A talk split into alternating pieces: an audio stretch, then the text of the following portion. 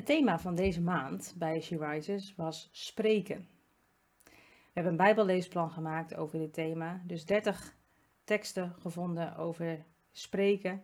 En er zijn ook 30 overdenkingen bij gemaakt en ook een bijbelstudie. Eigenlijk willen we als, om, om dit onderwerp nog eens af te sluiten, is stilstaan bij aandachtspunten bij dit thema.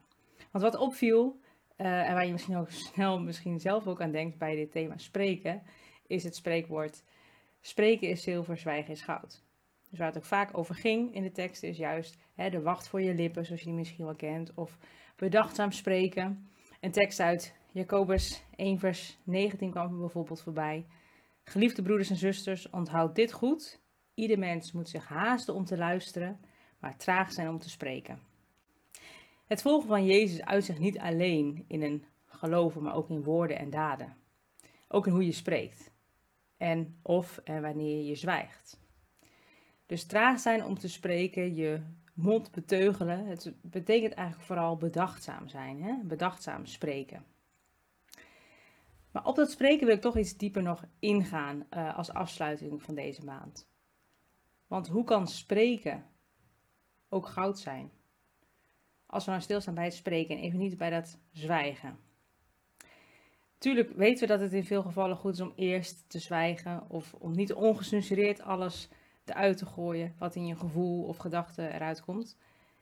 Maar wanneer is het wel goed om te spreken? En hoe kunnen we zo spreken dat het goud is, dat het opbouwend is? Nou, allereerst moeten we misschien bij stilstaan waaruit we spreken. Hè? De bron waarmee we dagelijks gevuld moeten worden om echt woorden te spreken die tot leven leiden. En in de Bijbelstudie die bij dit thema hoorde, stond ook een mooi citaat wat ik eigenlijk hier ook wil noemen.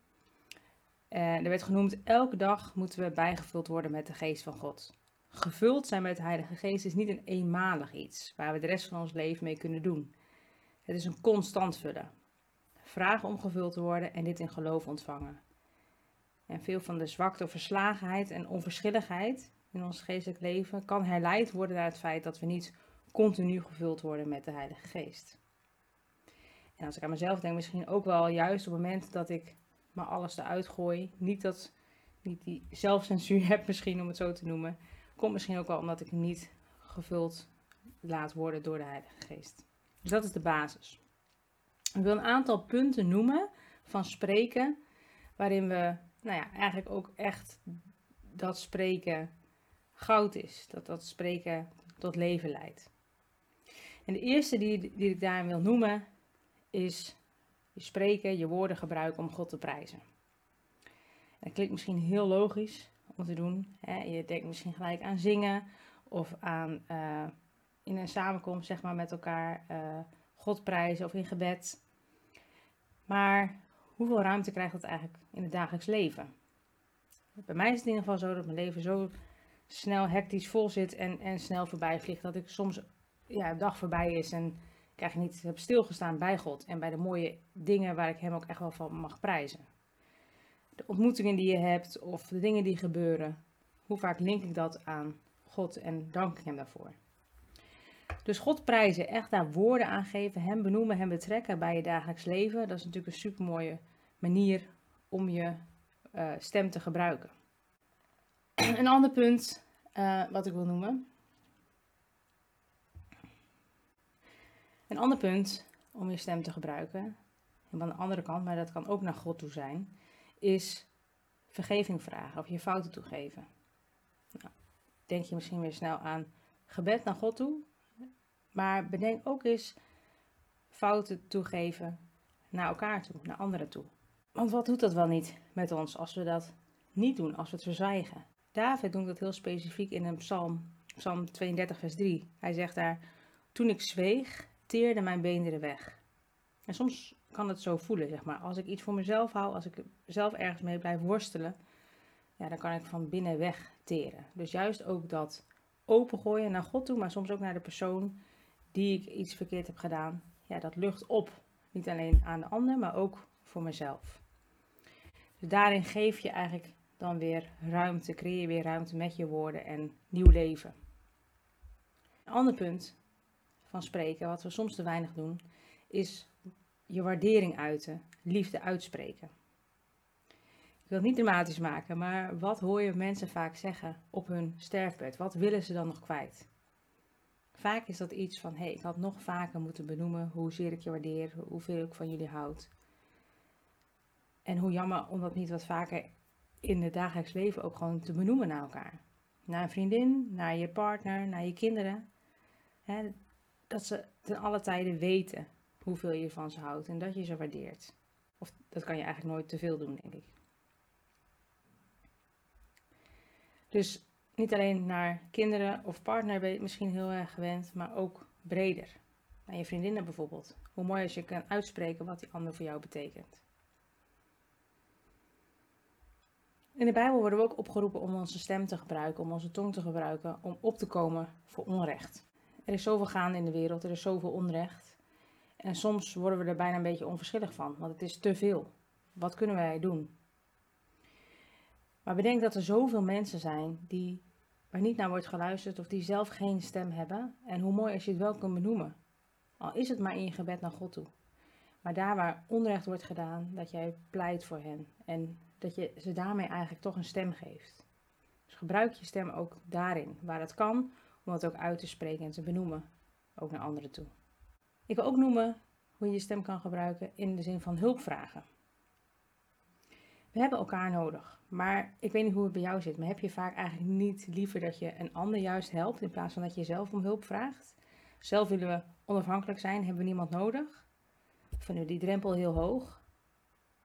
Maar juist als je dat durft uit te spreken, dat je de ander nodig hebt en dat je die om een gunst wil vragen, dan stellen we ons eigenlijk afhankelijk op, maar ook in relatie juist met de ander. We bouwen aan de relatie, we verbinden eigenlijk door ook te zeggen: hé, hey, ik heb jou ook nodig, net als jij mij ook nodig hebt. Dus dat durven zeggen, dat uitspreken, iets van die kwetsbaarheid laten zien, dat zal altijd ruimte geven en, en openheid. Tuurlijk kunnen anderen ook nee zeggen. Maar alleen al dat je het durft te vragen, geeft ook weer nou ja, ruimte, schept ook weer ruimte voor die ander. En ik wil daar graag ook gelijk bij noemen dat we onze stem ook kunnen gebruiken om grenzen aan te geven. Want herken je dat bijvoorbeeld een vriendin vraagt of je misschien even haar kinderen kunt op, opvangen? Prima, je hebt alweer ja gezegd, terwijl je daarna pas denkt, oh, kom ik nou zelf eigenlijk niet in de knel? En wat merk je daardoor? Omdat je zelf niet je grens duidelijk aangeeft, ben je eigenlijk een beetje geïrriteerd op haar. Terwijl nee ook een antwoord was geweest. soms vinden we het zo lastig om dat duidelijk aan te geven, om even dat moment te pakken om daar eerst eens over na te denken. Dus woorden geven ook aan, hey, dit kan ik wel voor je betekenen en dit niet. Daarvoor kunnen we onze woorden ook gebruiken. Om daarin ook te laten zien wat wij kunnen doen en waar onze grenzen zijn.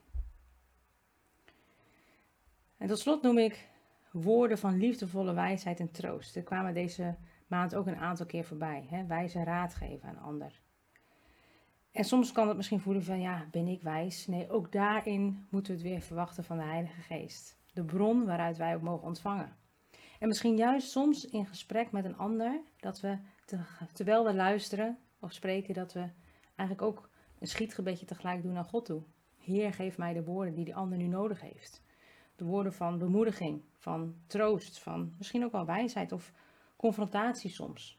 Hè? Om het ja, ook helder neer te zetten, zeg maar, welk dilemma er ligt. Of, of waar, een, een, waar zonde zit. Ik vind het lastig soms om dat ook te benoemen. En natuurlijk moeten we daar voorzichtig in zijn. Maar er zijn zoveel mooie spreuken in het boek Spreuken in de Bijbel hierover. Ik noemde eentje, een rechtvaardige spreekt wijze woorden kalme woorden zijn een levensboom. En daarom wordt het duidelijk hè, wat mooie woorden kunnen doen. Ze kunnen leven en groei geven. Dus ook daarin dat soort spreken. Wees afhankelijk, voel je afhankelijk van de Heilige Geest. En Hij zal je daarvoor ook willen gebruiken. En in al deze voorbeelden, dus als het gaat om grenzen aangeven, hulp vragen, opkomen voor onrecht, God prijzen, vergeving vragen of liefde uitspreken. Die liefde is de basis van alles.